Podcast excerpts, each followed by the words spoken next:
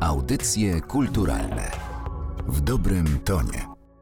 Słuchają Państwo audycji kulturalnych podcastu Narodowego Centrum Kultury.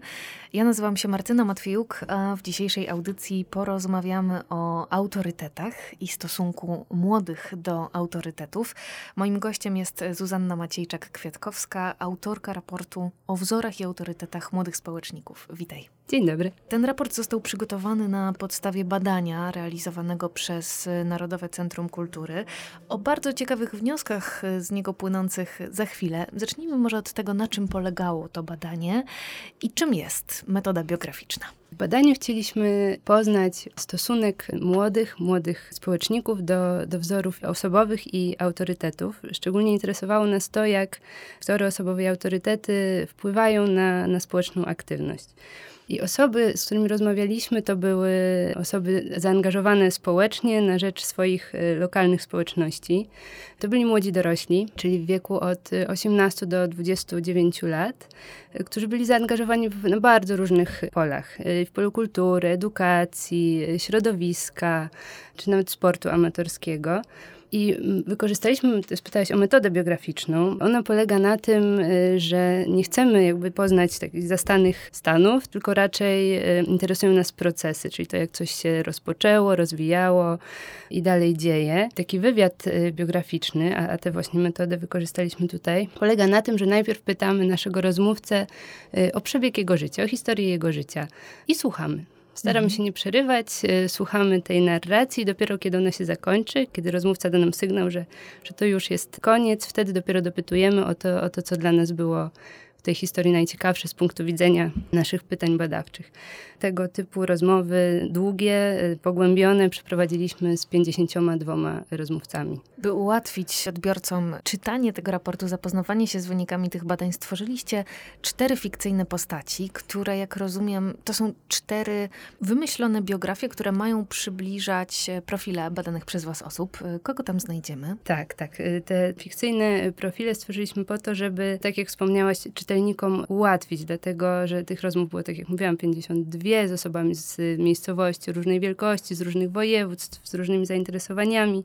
Y, no i to było niemożliwe, żeby wszystkie te, te biografie przedstawić, wszystkie te sylwetki, ale chcieliśmy jakoś tak zobrazować, z kim rozmawialiśmy i, i jakie są główne, główne cechy tych osób. Y, stąd te fikcyjne cztery persony. I one powstały w ten sposób, że y, szukaliśmy, analizując ten materiał, szukaliśmy podobieństw i różnic między tymi osobami, jak one się łączą na, na poziomie tych indywidualnych biografii. I to jest taka trochę fabularyzowana opowieść o tych naszych rozmówcach.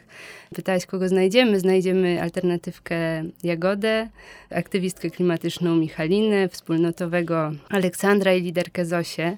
Może chwilę opowiem, czym się charakteryzują, chociaż tak jak mówiłaś, te szczegółowe opisy znajdą ciekawi w raporcie.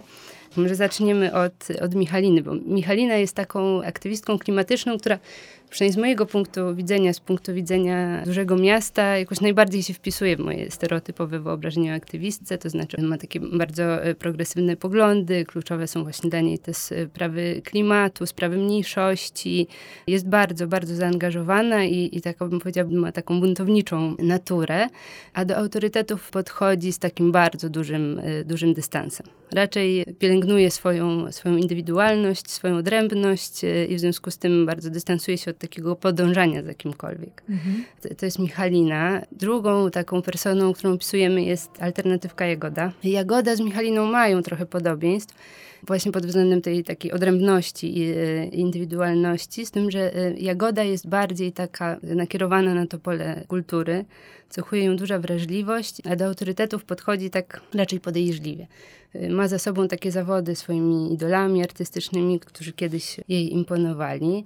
Kolejną osobą, która jakoś dobrze opisuje tych naszych rozmówców, część z nich przynajmniej, jest liderka Zosia. Liderka Zosia jest taka bardzo, właśnie Jagodę mogłaby trochę swoją taką ekspansywnością wystraszyć, bo tak jak mhm. mówiłam, Jagoda jest raczej takim wrażliwcem, a z kolei Zosia jest, jest taką liderką, która bardzo dobrze się czuje w tej roli, takiego przewodzenia innym i ona funkcjonuje od projektu do projektu. Te projekty dotyczą bardzo różnych dziedzin, wpisują się właśnie w takie instytucjonalne ramy. To, co Zosia szczególnie ceni w innych, na czym jej zależy, to rozwijanie swoich, swoich kompetencji. I ona też raczej nie mówi o autorytetach, tylko o mentorach, doradcach, innych liderach. To są te pojęcia, którymi się posługuje. Zosia, tak jak mówiłam, to jest taka fabularyzowana opowieść trochę, ale ma za sobą doświadczenie harcerstwa. I w tym harcerstwie nadal funkcjonuje kolejna nasza, nasza fikcyjna postać, czyli Aleksander, wspólnotowy Aleksander, który jest zaangażowany we wspólnoty religijne, właśnie jeszcze nadal w, jest w harcerstwie. On jest najbliższy takiemu przywiązaniu do autorytetów, tak tradycyjnie rozumianych.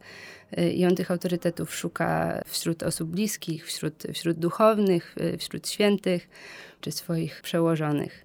Szczególnie istotna jest dla niego rodzina i te wartości, które, które właśnie z rodziną wiąże. Także to są te nasze cztery osoby. Chcemy poprzez nie opowiedzieć o wszystkich 52.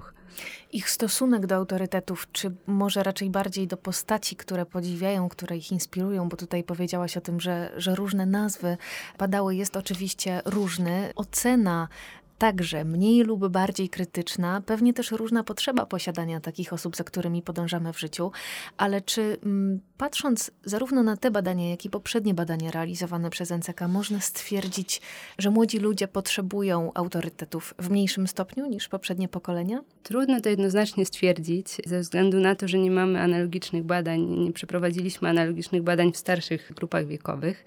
Ale to, co z danych ilościowych, które też w dziale badań i analiz zbieramy, co, co wiemy z tych danych ilościowych, to na pewno to, że te młodsze grupy wiekowe na tle ogółu y, populacji y, Polski częściej za autorytety uznają swoich bliskich, mhm. czyli mamy i tatę, y, rzadziej widzą autorytety w tych osobach znanych publicznie, czy w postaciach historycznych. To na pewno to. Druga rzecz, o której też sami nam, nam mówili w tych wywiadach, to to, że dzisiaj przy tak szerokim dostępie do informacji, też za pośrednictwem internetu, trudno jest kogoś widzieć jako taką posągową postać. Na każdym pozornie posągowej postaci można znaleźć, e, znaleźć jakąś rysę.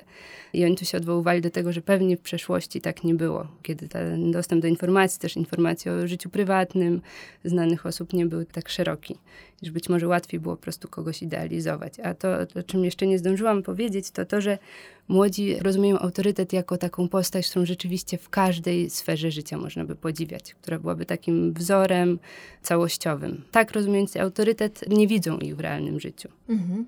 Część badanych należy do pokolenia Z, y, Gen Z, nazywanego także pokoleniem internetowym.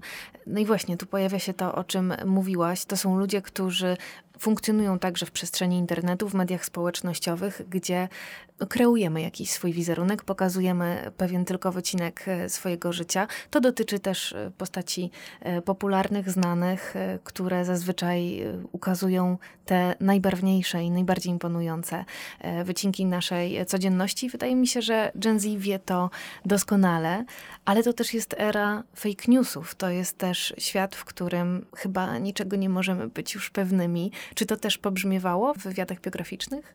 Oj tak, zdecydowanie. I w opowieściach po prostu o swoim życiu widać było świadomość tej niepewności, złożoności, takiej wieloznaczności dzisiejszego świata. I w tym, tym właśnie świecie y, młodzi próbują się jakoś odnaleźć i szukają tych wskazówek, a jednocześnie właśnie są świadomi tego, że każda opcja, każda wartość, każda tożsamość, czy, czy każdy właśnie y, autorytet może być łatwo zastąpiony innym. Mhm. Nie ma takich niekwestionowanych autorytetów.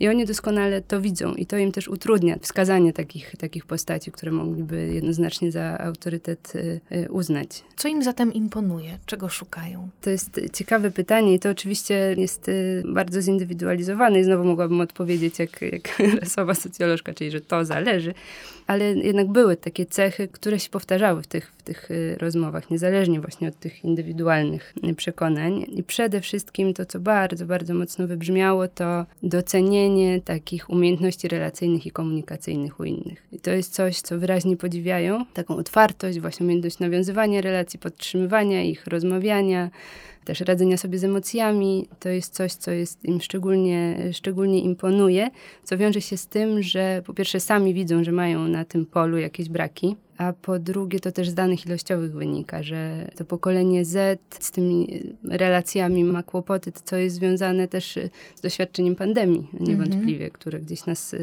e, społecznie izolowało, a ich w takim szczególnie e, wrażliwym czasie, tak, wchodzenia w dorosłość. Także to jest ta umiejętność e, podtrzymywania relacji, to na pewno jest coś, co jest w, w innych doceniane. Inne takie cechy to mm, autentyczność. Wspominałeś o tych fake newsach, to z kolei autentyczność, szczerość to jest coś, co bardzo cenią i czego szukają. Właśnie szczególnie wśród influencerów, czy osób, których nie znają osobiście. E, sprawczość to jest też kolejna taka podziwiana cecha, taka umiejętność realizowania założonych celów, wyróżnianie się w czymś, bycie tak wracając do języka tych naszych badanych, bycie mega dobrym w czymś to jest coś, co po pierwsze podziwiają w innych, a, a po drugie sami też chcieliby tacy być. To wróćmy jeszcze może do samego aktywizmu społecznego, bo też w tym raporcie pada takie ciekawe zdanie o tym, że nierzadko zdarza się, że osoby, które podejmują jakieś aktywności społeczne, działają w różnych obszarach. Na przykład nie tylko ograniczają się do działalności kulturalnej, ale też mają kilka jakichś takich jeszcze innych zainteresowań. I to jest też ciekawe zagadnienie, skąd y, ten aktywizm aktywizm przychodzi, bo nie zawsze wynosimy go z domu. Tak, to jest ciekawe, bo projektując to badanie, gdzieś wyróżniliśmy te obszary zaangażowania, które nas interesują, czyli gdzieś w głowach przypisywaliśmy sobie każdego naszego rozmówcę albo właśnie do obszaru kultury, mm albo do obszaru ochrony środowiska, albo do wspólnot religijnych. A potem w praktyce to nam się zupełnie rozleciało, w tym sensie, że okazało się, że jak już ktoś coś robi, to zazwyczaj robi mnóstwo innych rzeczy. Że to jest taka ogólna gdzieś postawa y, życiowa, bycie po prostu aktywnym, zaangażowanym, działanie na, na rzecz innych.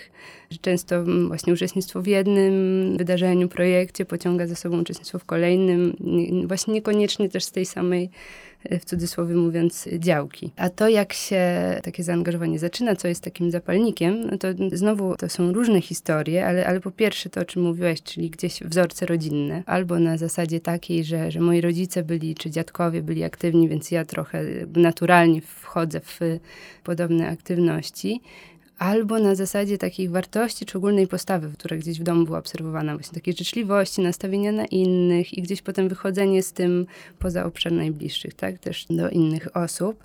Ale oprócz właśnie znaczącej roli rodziny, rodziców, pojawiały się też w tych opowieściach znaczący inni, jakby spoza tego grona, y, którzy gdzieś byli właśnie tymi zapalnikami zaangażowania. I to najczęściej byli albo jacyś y, lokalni liderzy społeczni, na przykład pracownicy instytucji kultury, czy lokalnych NGO-sów, którzy gdzieś pokazywali albo wciągali w swoje, w swoje projekty, albo pokazywali możliwości, w co można by się zaangażować.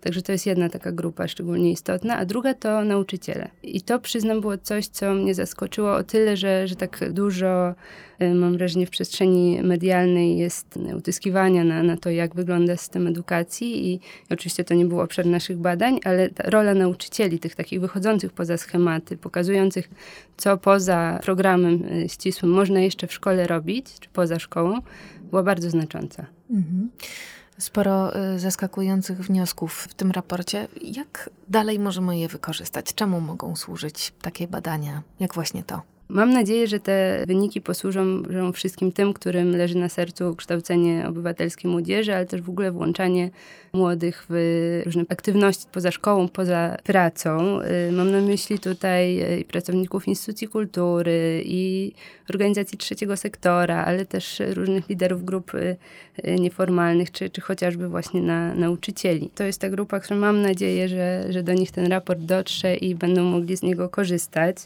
Dlatego, że oni właśnie mogą, co wynika z tych naszych rozmów, być tymi zapalnikami, tymi autorytetami, którzy mogą jakoś wpłynąć na, na to społeczne zaangażowanie.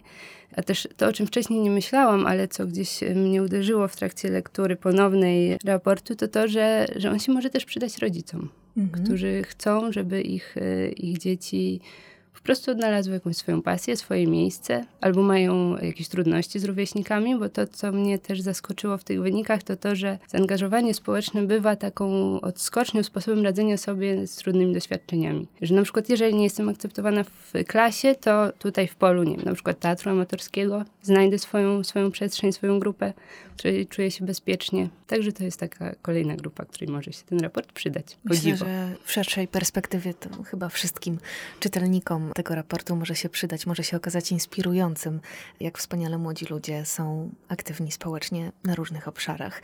E, wszystkich z Państwa zainteresowanych e, tym tematem odsyłamy na stronę Narodowego Centrum Kultury, gdzie znajdą Państwo raport e, w całości, a dziś opowiadała o nim w audycjach kulturalnych Zuzanna Maciejczak-Kwiatkowska z działu badań i analiz Narodowego Centrum Kultury. Bardzo Ci dziękuję. Dziękuję.